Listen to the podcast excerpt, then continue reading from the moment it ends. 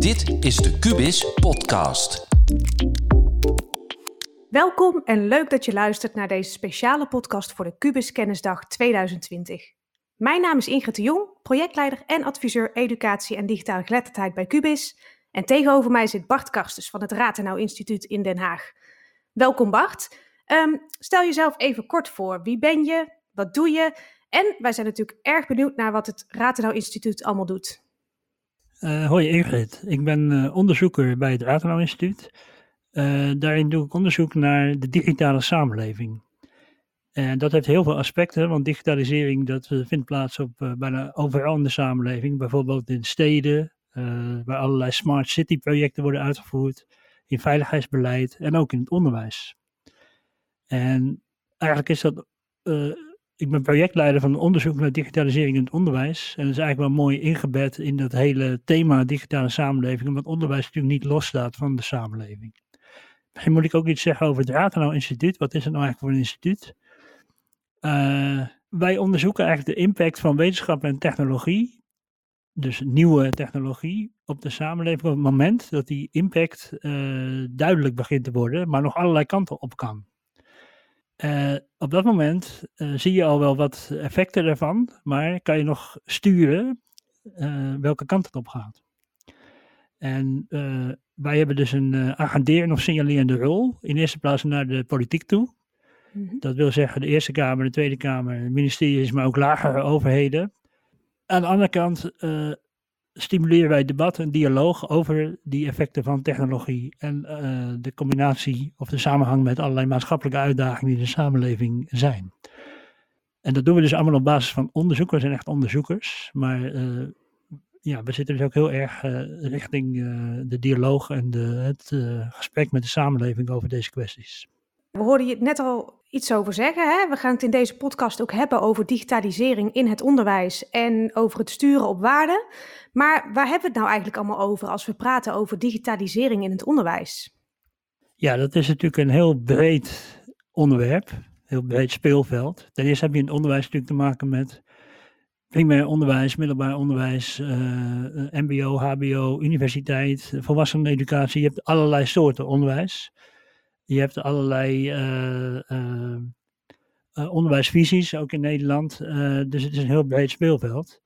En als je het over digitalisering hebt, is het ook heel breed. Want het gaat over digitale leermiddelen. Denk daarbij aan robots of tablets waar leerprogramma's draaien, zoals Snapit en Ginsey. Denk ook aan virtual reality toepassingen. Denk ook aan allerlei platforms waarop ja, cursussen of uh, de voortgang van leerlingen kan worden gemonitord. Het gaat dan niet alleen over cijfers, maar ook om uh, studiegedrag, administratie. Um, nou, er zijn allerlei platformen die daar speciaal voor zijn ontwikkeld. Een ander aspect is de relatie tot de arbeidsmarkt. Al wat je vaak hoort is dat 65% van de banen die uh, de generatie die er nu aankomt gaat uitoefenen, die bestaan nog niet. En heel veel van die banen zullen een digitale component uh, gaan krijgen naar verwachting. Dus uh, in die zin uh, ja, gaat het ook om kwalificaties. Het voorbereiden van mensen op de maatschappij. Waarin ze steeds meer digitale vaardigheden moeten gaan hebben.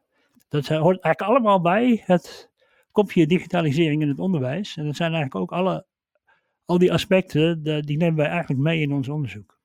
Oké, want hè, als ik je dat zo hoor zeggen, dat, hè, het is en veelomvattend, uh, maar het gaat ook vrij ver en vrij breed. Hè, dus uh, van school tot arbeidsmarkt. Hè, het is best wel ingewikkeld. Uh, ja. Ik kan me voorstellen dat er een hoop voor- en nadelen aan, aan die digitalisering zitten. Ja, nou wat je vaak hoort is dat wij een soort achterstand hebben. Dat gebeurt al heel veel in China en in de VS bijvoorbeeld en in Europa kachelen we een beetje achteraan. We moeten dus versnellen op het gebied van digitalisering. Er is ook landelijk een soort van versnellingsplan, uh, wat dan die achterstand moet inhalen. En door de coronacrisis is natuurlijk uh, ineens uh, zijn we veel meer afhankelijk geworden van digitale middelen. En ja, dat lijkt toch ook steeds langer te duren en misschien in de toekomst ja, wel blijvend. En daardoor ja, zijn er ook allerlei stemmen die opgaan. Dan moet hij een versnelling, moeten inhaalslag maken enzovoort. Maar ja, waar wij eigenlijk voor pleiten met het Raadrouw Instituut, is om het nou niet overhaast te gaan doen. misschien wel versnellen, maar doordacht te blijven digitaliseren. Het is inderdaad, zoals je net al zei, het heeft voor- en nadelen. Het is een heel ingewikkeld uh, proces. Het is ook heel lastig in de praktijk om, uh, om uh, in, ten uitvoering te brengen. Niet alleen maar technologisch, maar als je die voor- en nadelen goed tegen elkaar, dus de nadelen wil beperken en de voordelen naar voren wil halen, dan moet je ook praktijkervaring op doen. Dan moet je moeilijk, soms moeilijke keuzes maken. Dat is allemaal niet zo makkelijk.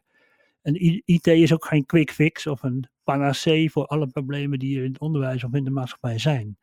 Dat zijn allemaal verkeerde denkbeelden. En als we daar te hoge verwachtingen van hebben, dan kan het eigenlijk alleen maar leiden tot grote teleurstellingen. Dus ja, de uitdaging is van, ja, hoe moeten we navigeren in die uh, voordelen en, de, die risico's die eraan vastzitten? Ja, we moeten tegelijkertijd ook experimenteren, kijken hoe nieuwe middelen zich in de praktijk gedragen. En die moeten zich in de mhm. praktijk bewijzen uh, moeten aansluiten op bestaande uh, praktijken van een leraar, pedagogisch en didactisch ingebed raken. Dat gaat ook allemaal niet vanzelf. Ja, we moeten dus aan de ene kant blij zijn dat we die digitale middelen al hebben. Daardoor hebben we door de, tijdens de coronacrisis een soort onderwijs op afstand kunnen opzetten, denk ik. En daardoor kan een kennisdag als deze kan gewoon doorgaan, omdat we natuurlijk, wij natuurlijk ook ja, op afstand nu dit interview doen. Mm -hmm. Maar ja, als je het allemaal goed wil doen, dan is het meer dan roeien met de riemen die je hebt en blij zijn dat we dit, dat we dit kunnen. Je moet natuurlijk altijd de onderwijskwaliteit willen verbeteren door die digitalisering. Dat moet voorop staan. Mm En het is dus een middel en geen doel op zich. En ja, nogmaals, wij bepalen zelf uh, uh, welke kant het op gaat. Ja. En daarvoor moeten we dus een goed beeld krijgen van die aan de ene kant die voordelen die we ook al zien, maar ook de mogelijke risico's die eraan vastzitten.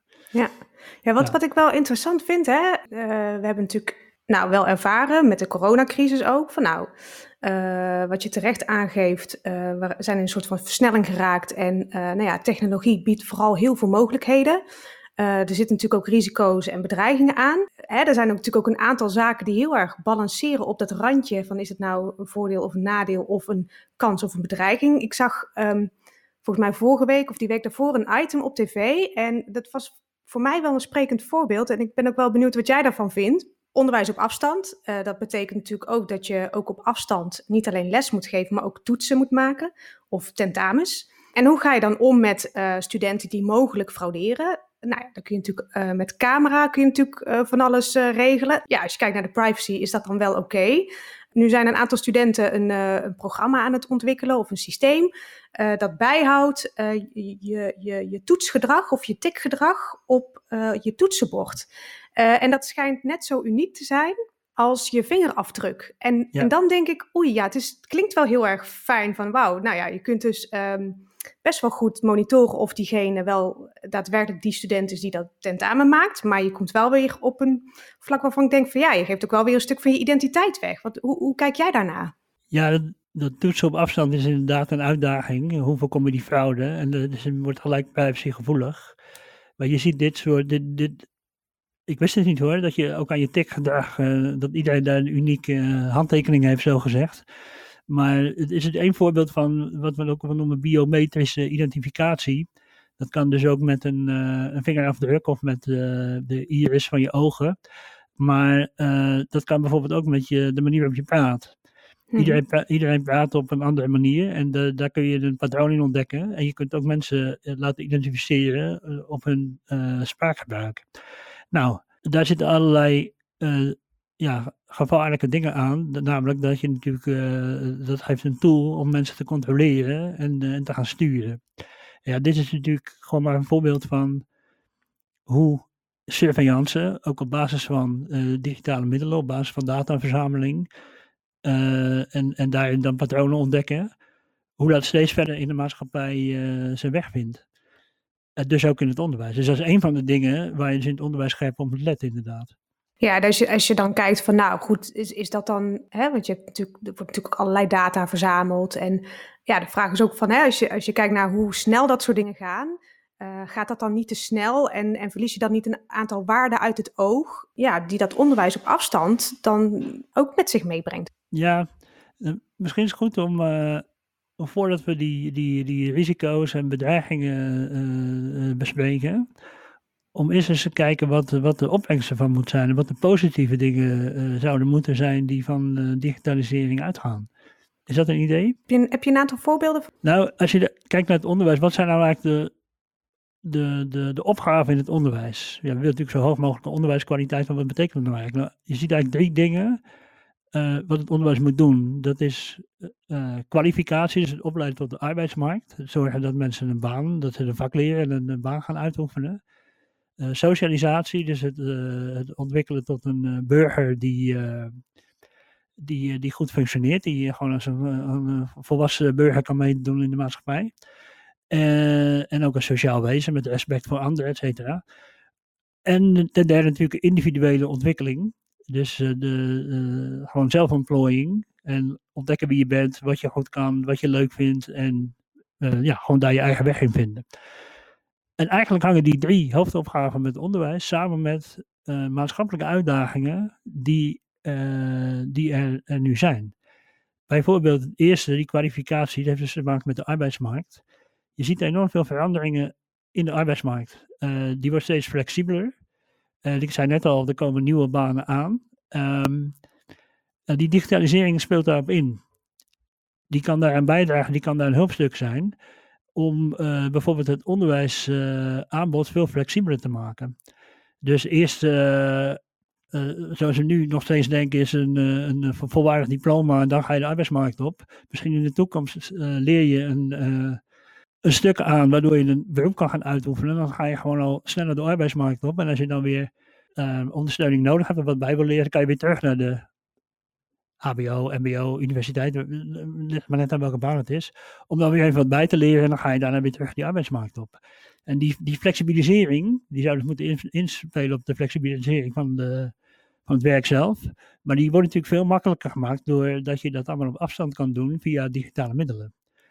Dus daar zie je dus een, een, eh, een opgave van het onderwijs, mm-hmm. een maatschappelijke uitdaging en dat digitalisering daarop kan inwerken. En dat geldt bijvoorbeeld ook voor die toename in individualisering. Heel veel van die digitale middelen maken het onderwijs steeds persoonlijker en toegesneden op één student, de behoefte van een student of een individu. En ja, je ziet dus ook in de maatschappij, er groeit een nieuwe generatie op. Die wordt ook wel de digital natives genoemd, of de generatie I ja, die leren ook anders. Die, die, uh, die uh, denken veel meer in termen van vernetwerking, uh, lezen minder, zoeken dingen op. Ik hoor zelfs bij de generatie X. ik ben iemand die, als ik iets wil weten, denk ik al in de eerste plaats aan een boek. En kijk ik, wat heeft de bibliotheek hierover staan? Ik ga kijken in de bibliotheek wat er een boek over is. Nou, ik heb studenten gehad van een jaar of twintig, een paar jaar terug, die bijna niemand deed dat meer op die manier. Dus ik, er ontstaat een hele andere manier van informatie verwerken. Die is al gaande. Die komt ook deels door die digitalisering natuurlijk. Maar die wordt ook weer ondersteund door die digitalisering. Mm-hmm. Dus in die zin zijn er dus maatschappelijke veranderingen uh, die eigenlijk samenhangen met die hoofdopgave met het onderwijs, waaraan die digitalisering dus positief kan bijdragen. Misschien nog iets concreter voorbeeld, dat zijn die VR-mogelijkheden, eh, dat je dus in een virtual reality stapt, waardoor je bijvoorbeeld een reis kan maken naar het verleden.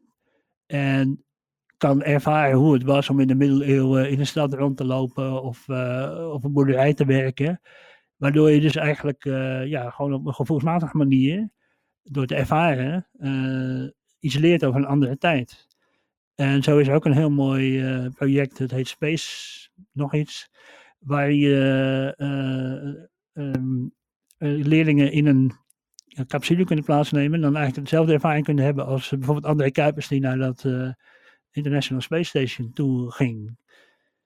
En, en ja, dat, dat is gewoon, dat zijn dingen die, die, die, die brengt uh, leerlingen in de positie waardoor ze dingen kunnen ervaren en dingen kunnen leren die eigenlijk uit het boek niet kunnen. En zo zijn er dus allerlei positieve effecten te noemen, die je natuurlijk ook moet meenemen in de afweging voordat je over de risico's en nadelen gaat praten een, aardig voorbeeld is ook um, dat de robot die een gedeelte van de instructie doet, en bijvoorbeeld bij een zwakke leerling die uh, een paar keer dezelfde fout maakt, dan krijgt hij geen geïrriteerde leraar tegenover zich, van snap je nou nog niet?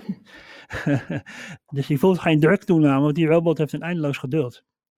En dat zien we dus ook bij dat leren op afstand. We hebben daar een enquête voor uitgezet. Toen dat uh, in, in maart, april bijna alle scholen daar volledig afhankelijk van werden. Er zijn dus ook leerlingen opgebloeid aan de keukentafel, omdat ze ja, uh, eigenlijk eh, niet afgeleid werden door de, de, normale dynamiek in de klas. Dus, uh, en en veel minder druk, sociale druk voelden, dus meer vragen durfden te stellen. En ja, die gingen er eigenlijk op vooruit. Maar ja, daar zie je ook weer het nadeel. Daar kunnen we ook over nadelen praten natuurlijk. Uh, tegelijkertijd zijn 20% van de leerlingen van de radar verdwenen op een gegeven moment. Ja. ja. En ja, aan de ene kant belooft digitalisering bijvoorbeeld sociale gelijkheid te bevorderen. Omdat iedereen, als iedereen toegang heeft via internet tot een, een, een digitale leeromgeving, dan, dan vervalt het verschil tussen een goede school of een goede wijk en een slechte school en een slechte wijk. Uh, ook docenten die gaan minder bevooroordeeld met de leerling om. Dus je, je, je hebt nou mhm. eenmaal, uh, als je helemaal in de klas kan ontstaat een dynamiek en dan de leraar kent iemand en die, die schat die hoog in, dus die, die benadert die anders. Dat zou ook weggenomen worden door de digitalisering, daardoor zou gelijkheid toenemen. Maar ja, je ziet natuurlijk ook uh, de, de, vooral die, die 20% die van de radar is verdwenen, uh, dat heeft natuurlijk ook te maken met de thuissituatie. En sommige thuissituaties zijn helemaal niet uh, op ingericht om leerlingen te helpen. En er is geen leercultuur. En dan neemt die sociale ongelijkheid juist toe. Ja, want dat, dat vroeg me net af. Hè? Want je zei ook van, nou, er zijn ook best wel een grote groep leerlingen die helemaal opbloeit aan de keukentafel. Ja. Uh, aan de andere kant verdwijnen natuurlijk best wel wat kinderen van de radar. Maar wordt daardoor die kloof niet groter uh, uiteindelijk tussen kinderen die wel en niet mee kunnen? Ja, dat is ook een risico. Want je hebt bijvoorbeeld, uh, dat heet adaptief leren. Dus dat is dat je kinderen bijvoorbeeld rekenen leren met een, een tablet. Daar draait dan een programma op als uh, Snapit. En die past eigenlijk het niveau van de oefenstof aan op het niveau van de leerling. En de leerling krijgt dat ook te zien. Die krijgt ook te zien van, je gaat nu uh, naar een niveautje hoger. En die krijgt ook meer inzicht in uh, het eigen leerproces.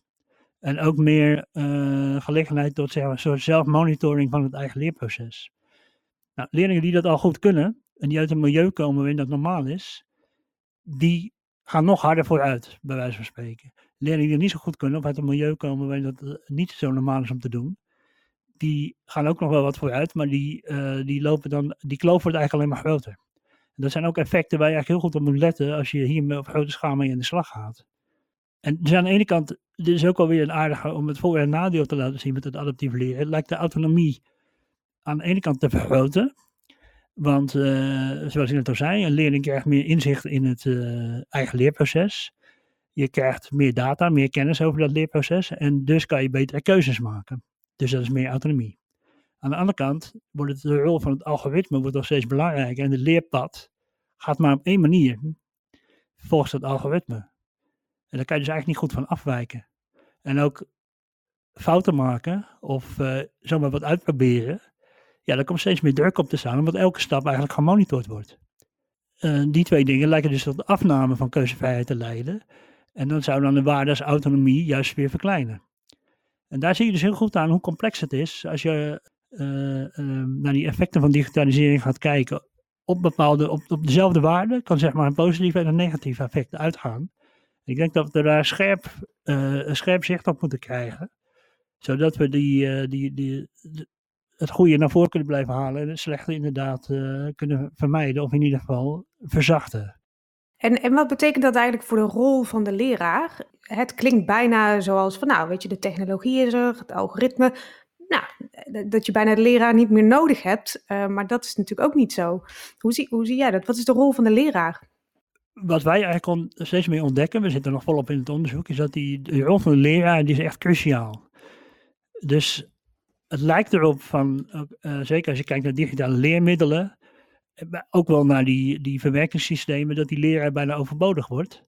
Want uh, ja, je kunt, kun je er gewoon achter een computer zetten en die, die neemt eigenlijk, kan de instructie overnemen, kan het nakijkwerk overnemen, kan het aanbieden van opdrachten overnemen. Dus wat hebben, wat hebben we nog aan die leraar? Sommige mensen zeggen wel eens, uh, uh, ja, het leraartekort, dat lost zich vanzelf op op deze manier. Maar wat wij eigenlijk zien is dat die, die, die rol van die leraar om goed te werken met dit soort middelen, die is echt cruciaal. Ehm, bijvoorbeeld het experiment met ehm, die iPad-scholen, die, of die Steve Jobs-scholen. Dat is compleet mislukt, omdat dat de leraar veel te veel op afstand uh, zette. Een leraar zijn essentieel in uh, het aanbieden van uh, centrale instructie. Als een soort check op wat die data en algoritme eigenlijk aanleveren. Dat kan soms, soms ook naast zitten. Kan een leerling totaal verkeerd inschatten. En een leraar die er elke dag mee werkt, die denkt, die leerling hoe kan die nou in dit boxje terechtkomen als slecht presterend ergens op, terwijl het helemaal niet zo is. En die heeft dan gewoon drie keer de verkeerde knop ingedrukt of zo en dan ga je al de verkeerde kant op. Maar een leraar is ook heel belangrijk in, uh, ja, goed, in het stimuleren, in het, uh, het directe contact tussen leraar en leerling. Dat is allemaal ontzettend belangrijk in het aanmoedigen, motiveren, een groep aansturen. Um, nou ja, op al deze punten is die leraar echt van centraal belang. Dat wil niet zeggen dat de, de leraar niet wordt uitgedaagd. Als hij moet werken met digitale middelen, zou hij zijn onderwijs moeten aanpassen, dat moeten inpassen.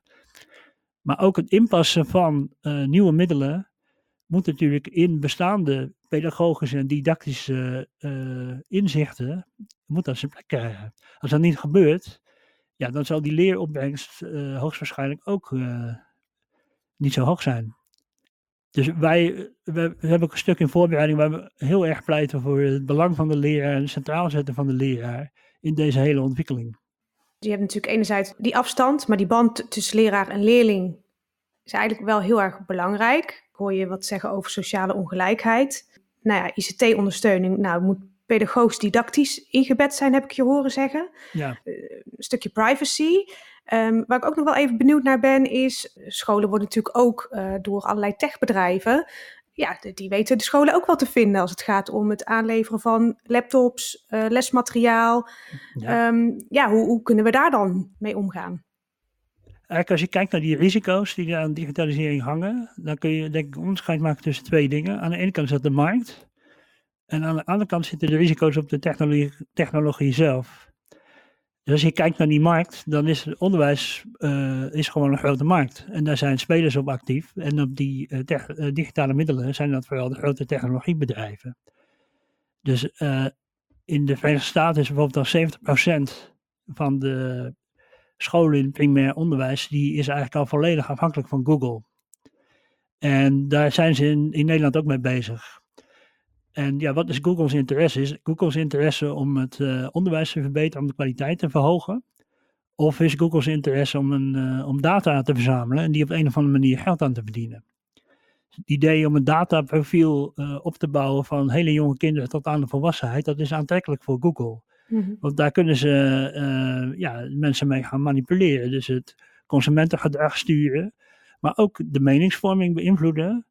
En dat heeft uiteindelijk ook effect op het functioneren van de hele democratie. Dus terecht wordt uh, steeds meer gewaarschuwd voor de invloed van die technologiebedrijven op het, uh, op het onderwijs.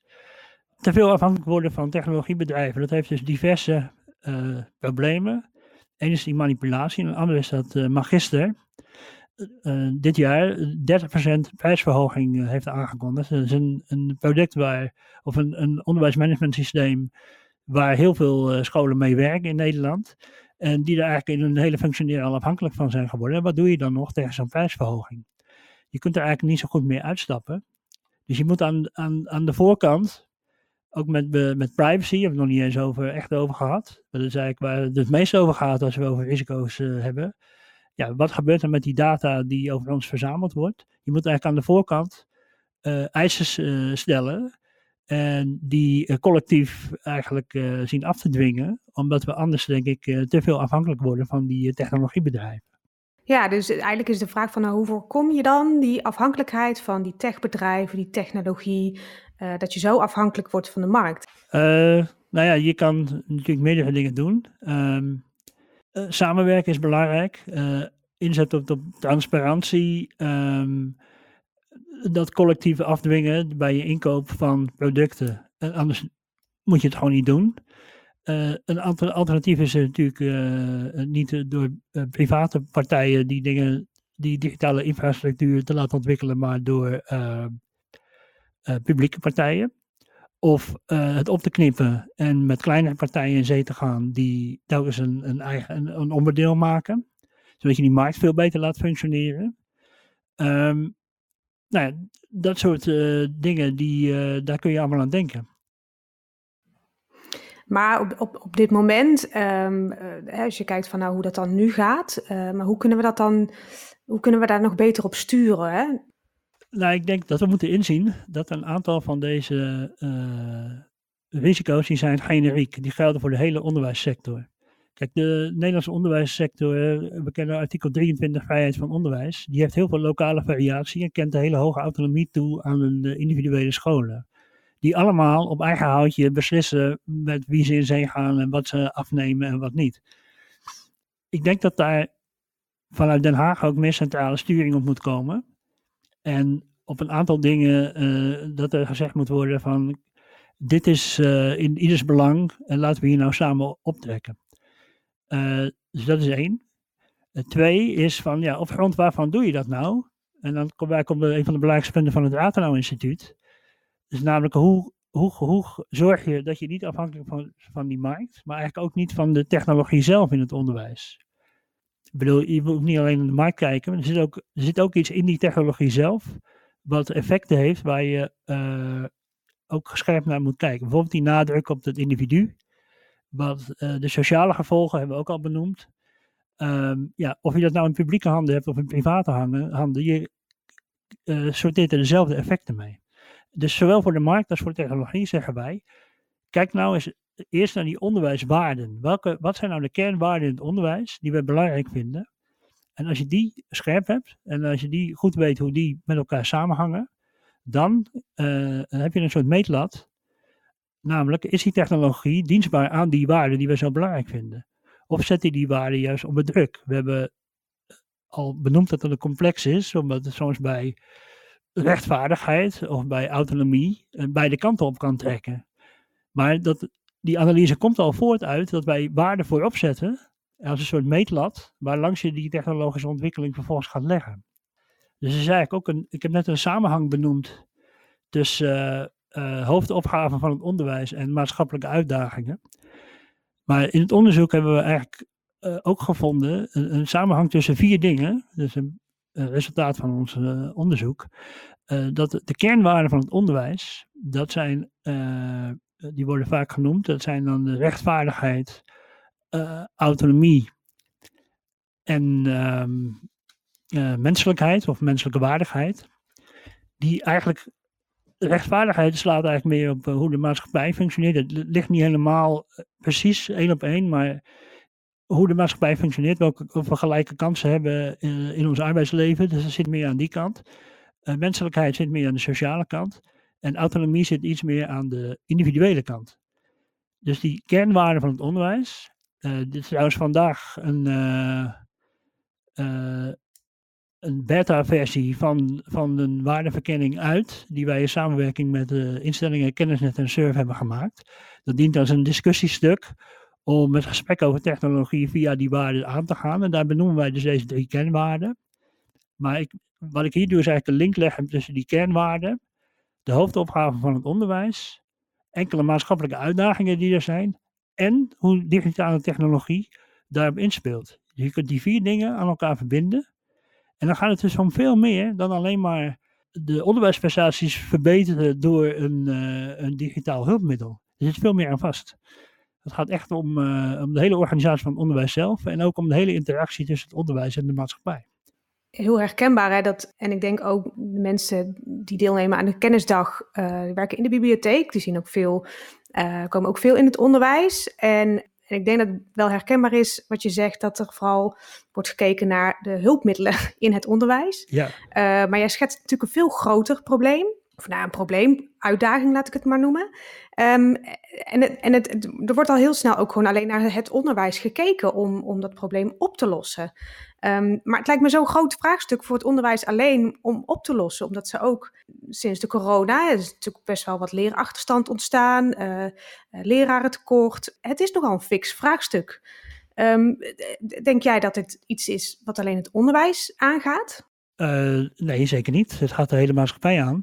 Maar ik zie het onderwijs als een, ja, volledig verweven met de rest van de maatschappij. Dus ik zie het ook niet zo dat we alle problemen nu bij het onderwijs neerleggen. Maar als je kijkt naar de kerntaken van het onderwijs, uh, nou, als je bijvoorbeeld naar die socialisatietaak kijkt, je moet nou eenmaal mensen voorbereiden, kinderen voorbereiden op hun volwassen leven als deelnemer aan, de, aan onze maatschappij. Daar heeft het onderwijs gewoon een rol in, dat is duidelijk. Nou, die maatschappij verandert, die digitaliseert steeds meer. Uh, dus je moet ook eigenlijk een nieuw soort burgerschap, een soort technologisch burgerschap of een uh, ja, digitaal. Uh, wat was het woord dat jullie er ook alweer voor gebruikten? Uh, digitale geletterdheid. Ja, digitale geletterdheid of zelfs digitale weerbaarheid zou je het kunnen noemen. Mediawijsheid, ja. dat zijn dingen die worden allemaal steeds belangrijker. Ja. En ja, uiteraard moet een, kijk, het onderwijs verandert ook continu mee met hoe de maatschappij verandert. En hier valt nu echt een slag te maken. Dat, uh, dat is duidelijk. En ik denk dat de bibliotheken daar ook een hele belangrijke rol in hebben. Dat hebben ze nu al. Ja. Maar dat dat alleen maar belangrijker gaat worden in de nabije toekomst. Ja, want als je, als je kijkt naar hè, hoe de bibliotheeksector is georganiseerd en waar zij zitten. En uh, dat daar al eigenlijk een enorme infrastructuur ligt in de samenwerking met scholen. En nou, de bibliotheek staat ook voor uh, een samenwerking aan een maatschappelijke opgave. Natuurlijk enerzijds heel erg gericht op nou, terugdringen van geletterdheid. Wat natuurlijk begint bij nou, goed leesonderwijs en taalontwikkeling uh, bij dat jonge kind in, in het onderwijs. Maar ook het werken aan digitale inclusie. Waarbij het gaat over het mee kunnen doen in de digitale samenleving. En een leven lang ontwikkelen. Uh, hè, dus dat iedereen voldoende basisvaardigheden heeft om überhaupt mee te kunnen doen in, in de maatschappij. En uh, ja, de, de gericht op arbeidsparticipatie. Mm -hmm. Dus wat dat betreft zijn, staan die sectoren voor een soort van. Ja, weet je, dat haakt ook allemaal heel mooi in elkaar. Dus ik zie ook echt wel een waardevolle rol voor de bibliotheek om het onderwijs daarbij te ondersteunen. Ja, als die rol van de bibliotheek op het gebied van die digitale geletterdheid en mediawijsheid steeds groter wordt, dan zou ik het toejuichen als dat waardeperspectief, wat wij hanteren eigenlijk op alle digitale technologieën, als dat ook meer meegenomen zou worden. Daar kun je dus ook allerlei kwesties mee aansnijden. Bijvoorbeeld, ik weet niet of je het beeld kent in, uh, in China, waarin ze met die leerlingen met een, uh, een hoofdband om hun hoofd in de klas zitten. Die zou de breinactiviteit van de leerlingen zou meten. En als die inzakt, krijgen een signaal van, hé, hey, hey, opletten, je moet erbij blijven. Ja, vinden we dat leuk, dit soort metingen? Denken, zijn we er positief over of niet? Het kan nog verder gaan. Je kunt allerlei biometrische gegevens, je noemde net al die, dat tikgedrag. Uh, die kun je ook allemaal gaan meten en meenemen. En daar kun je ook een, een dataprofiel mee opbouwen van, van, een, van, van een individu. Nou, er zullen best wel voordelen aan zitten. Maar ja, als je nou de discussie wil aangaan, waar wringt hem nou? Waar, waar zit hem nou dat ongemakkelijke gevoel wat we daarbij hebben? Dan zeggen wij, nou dan heb je dus een lijst van waarden waar je naar kan kijken. En, die je kan gebruiken als een soort denk, als een soort tool om hierover na te denken.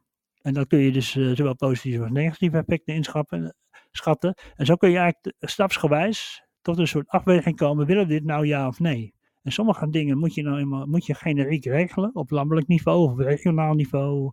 Of op bestuursniveau. Als je een schoolonderdeel uit is van meerdere, uh, een bestuur meerdere scholen dekt. Maar soms kan het ook heel lokaal zijn. Wij gaan dit als school wel of niet doen. Dat is de vrijheid die er nou eenmaal is in Nederland. En die we denk ik ook moeten behouden. En dan kan het dus anders uitvallen. Kijk, een Jena-plan school zal heel anders reageren op uh, de waarde autonomie dan een reformatorische uh, school bijvoorbeeld. Bij de Jena-plan school vinden ze dat heel erg belangrijk. Bij de reformatorische school vinden ze de waarde gehoorzaamheid misschien wat belangrijker. Die lokale variatie moet er zijn, maar er zit ook een gedeelte in. En ik denk dat daar de bibliotheek als een soort objectieve uh, informatievoorziener en een hele belangrijke medierende rol misschien in kan spelen omdat de bibliotheek natuurlijk niet zo gekleurd volgens een bepaalde onderwijsvisie of een mensvisie is ingericht, zeg maar. Dat is dan een voordeel in dit, uh, in dit geval, is het zo uh, benaderd. Precies, ja, ja. die hebben natuurlijk niet een, een commercieel belang. Ja, of ook geen belang om een bepaalde maatschappijvisie of mensvisie uit te dragen. Nee, nee, precies. Anders dan dat er wel het belang is dat de democratie moet goed functioneren. Uh, nou, een waarde als inclusie of rechtvaardigheid, dat is bij bibliotheek denk ik ook heel hoog. Ja. Ik bedoel, er zijn ook mensen die dreigen uh, de boot te missen in die digitalisering. Bijvoorbeeld ouderen of uh, digibeten, mensen die gewoon echt niet goed mee overweg kunnen. Of uh, allochtonen, vluchtelingen die we hier een plek geven in de maatschappij, die hebben ook vaak hulp nodig om een weg te vinden. En ja, daarin denk ik dat bibliotheken ook veel zichtbaarder kunnen worden. Wij hebben deze programma's in de aanbieding en je moet bij ons zijn om, om op deze manier mensen te laten aansluiten aan de ontwikkelingen die toch voortdenderen. Dat, dat, daar doe je niks aan. Ja, want ik denk ook wel, hè, kijk, ik kom natuurlijk zelf uit de bibliotheeksector, dus ik weet inderdaad heel goed wat uh, de bibliotheek in huis heeft aan kennis en, en aanbod om uh, inderdaad mensen mee te helpen om, om te kunnen gaan met de digitale overheid. Uh, maar wij spraken elkaar eerder al en um, ja, jij was toch best wel blij verrast. Van, nou, oh, biedt de bibliotheek dat inderdaad ook. Dus het is, ja, ja de bibliotheek mag kan zichzelf ook nog beter, ja, beter laten zien uh, wat ze te bieden heeft op dit vlak, denk ik. Uh, richting scholen, maar ook richting uh, de maatschappij. Ja, dat ben ik het, daar ben ik het helemaal mee eens. Want uh, nee, je ziet een aantal dingen waarop dat zou kunnen. Dus digitale geletterdheid, mediawijsheid, inclusie, mensen erbij houden. Maar ook leven lang leren bijvoorbeeld daar kan een bibliotheek ook een eerste aanspreekpunt zijn van mensen die uh, een switch maken of iets willen bijleren. En daar kan het, dus de bibliotheek moet misschien ook een transformatie ondergaan om al deze rollen goed te kunnen spelen. En niet alleen maar uitgaan van een uh, rij boeken. Dat, dat, je hebt me verteld dat het al lang niet meer zo is. Maar ik denk dat het beeld bij veel mensen nog steeds wel zo is. En dat zou zonde zijn, want we hebben zoveel te bieden. En uh, het is zo belangrijk, zeker in deze tijd, om een soort neutrale objectieve informatievoorziener te hebben, die misschien een beetje zelfs kan waken over de, de kwaliteit van de informatie of kennis die wordt verspreid. In de, dat ligt niet aan de hele Trump-periode met uh, fake news, maar dat is al een veel langer proces wat door, uh, ja, onder andere ook door social media aan de gang is. Die verkokering in, in bubbels en ja, eigenlijk het in discrediet brengen van allerlei feiten.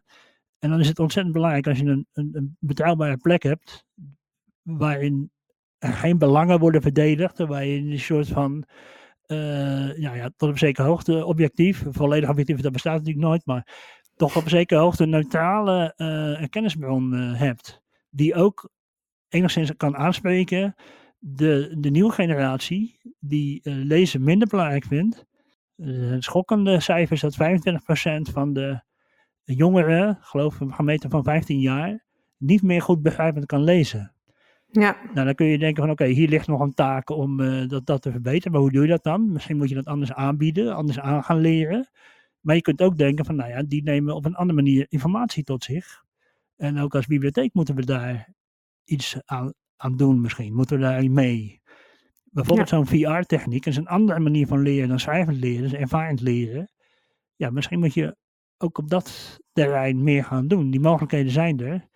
Het zijn maar wat ideeën, maar uh, ja, ik denk dat, de, dat de bibliotheken daar echt een hele belangrijke rol in kunnen spelen. Ja, en Je, je ziet ook wel dat op veel plekken bibliotheken ook juist die, um, uh, hè, die verschillende media ook gebruiken om juist nou ja, die informatie op een andere manier ook bij de doelgroep te brengen. En uh, dus daar gebeurt veel. Um, en ik denk dat we daar als sector misschien ook iets in minder bescheiden in mogen zijn. Dat we daar ook gewoon echt flink wat in te bieden hebben. Ja. Is er nog, nog iets specifiek wat je mee, mee, wil geven aan de bibliotheek? Ja, hoe je als bibliotheek je rol richting het onderwijs uh, nog steviger kan pakken op dit gebied? Nou, als ik het goed begrepen heb, zit echt de directe rol het onderwijs vooral in het helpen met die digitale vaardigheden, uh, technologisch burgerschap, um, ja, digitale geletterdheid nou, ik denk dat daar al hele goede programma's ontwikkeld worden. Die zouden ook beter zichtbaar kunnen worden. Maar wat wij heel erg aanbieden, wat we nog steeds in ontwikkeling hebben, dus er komen nog publicaties van ons uit. Ik noemde net al dat uh, die beta-versie van dat, uh, die waardeverkenning. Op dat gesprek, als onderdeel van deze vaardigheden, om het gesprek over welke kant gaan we op met de samenleving, welke invloed kunnen we uitoefenen op digitalisering, om dat langs die meetlat van die waarden te doen, of die waarden mee te nemen als een soort uh, tool waar je allerlei moeilijke kwesties eh, kan benaderen, maar misschien ook vragen kan gaan stellen die je anders helemaal niet zou stellen. Want heel vaak lijkt het alleen maar te gaan om, uh, oké, privacy en veiligheid moeten gewaarborgd zijn. Hè? Dat er niks raars met die data gebeurt, dat niemand dat kan hacken en dan is het verder wel goed. Maar er zijn allerlei andere waarden, die hebben we ondertussen ook allemaal wel benoemd, zoals autonomie, rechtvaardigheid, uh, maar ook machtsverhoudingen, functioneren van de democratie, keuzevrijheid. Nou ja, die even goed allemaal om aandacht vragen. En ehm, je, je moet je telkens afvragen, uh, helpt dit, die digitalisering deze dingen vooruit? Of is het daar een bedreiging voor? En vooral met betrekking tot de laatste, wat kunnen we dan aan doen om, dat, om te zorgen dat dat niet die kant op gaat? En ja, wij, ja. en ik geloof ook echt dat dat kan. Maar daar moet je soms misschien voor organiseren, maar je moet ook de goede vragen stellen. En daarom is het belangrijk om dat dus aan, aan heel veel jonge mensen ook mee te geven. Want ik denk dat ze het allemaal heel goed weten hoor, dat ze in een uh, maatschappij leven waarin social media, uh, computer, uh, noem maar op, ontzettend belangrijk zijn. Dat weten ze gewoon. Mm -hmm. En ik denk dat ze ook behoefte hebben aan zelf die behoefte voelen om daar een soort in, in goed wegwijzend te worden. Ja, ja. Nou ja, en het, hè, we denken vaak de, de jongere generatie weet het wel en is heel vaardig. Um, en gek genoeg dat, ja, enerzijds vinden we privacy heel erg belangrijk, maar alles wat we doen online spreekt dat dan ook tegelijk weer tegen. Ja, interessante vraagstukken om mee bezig te zijn. En uh, ik denk ook wel dat ja, de onderwijs en bibliotheek uh, elkaar ook heel erg kunnen helpen. Ik denk dat uh, een van de grootste uitdagingen zit in het eigenlijk in de sociale kant. Dus er komt te veel druk op individuen te liggen en uh, er lijken problemen te zijn met de sociale effecten. Kijk, stel je voor dat je onderwijs zou hebben waarbij je alleen maar thuis op een kamertje zit. Je ziet verder nooit meer iemand. Alle instructie gaat via de, de computer. En uh, je krijgt af en toe natuurlijk nog wel wat feedback via een of andere social media platform of wat dan ook. Maar je ziet eigenlijk niemand meer. Ja, is dat nog betekenisvol contact? Dus wat voor soort contact gaan we, krijgen? Sommige mensen zeggen, ja, door die social media zijn mensen uit het isolement gekomen. Er is veel meer vernetwerking, er zijn eigenlijk veel meer sociale verbanden ontstaan. Maar die zijn eigenlijk ook tegelijkertijd oppervlakkiger. Hm. Die sociale uh, interactie is oppervlakkiger en ook vluchtiger. Dus wij hebben ook als Ratenau Instituut een, een nieuw recht geformuleerd, het recht op betekenisvol contact ook als een manier om hierover na te denken. Maar je kunt ook nadenken over de druk op de individu. Als je continu maar gemeten wordt en uh, gemonitord wordt. Er zijn al signalen dat het magister uh, tot, uh, tot overspannenheid bij middelbare schoolleerlingen heeft geleid. Ook ergens hebben wij recht, gedacht, moeten we niet naar nieuwe rechten toe in deze maatschappij. En toen hebben we ook geformuleerd het recht om niet gemeten te worden. Dus in die verhouding, zo zou het ook kunnen noemen, tussen het individu en de samenleving, daar liggen echt uitdagingen die uh, weer aansluiten bij de hoofdopgave van het onderwijs. Maar daar liggen ook de grootste maatschappelijke uitdagingen. Dus ik denk dat de rol van het onderwijs daarin echt uh, heel belangrijk is. En ja, we hebben het al bediscussieerd welke rol de bibliotheek daar eventueel in zou kunnen spelen. Het lijkt me heel leuk om na deze podcast ook daar uh, een aantal vragen met mensen uit het bibliotheekveld die daarin werken om, die, uh, ja, om daarmee in gesprek te gaan. Ik uh, denk dat dit een hele mooie afsluiting is. Hartelijk dank Bart voor uh, ja. inspirerende gesprek en de nieuwe inzichten. Heel erg bedankt voor het luisteren en wellicht tot de volgende keer.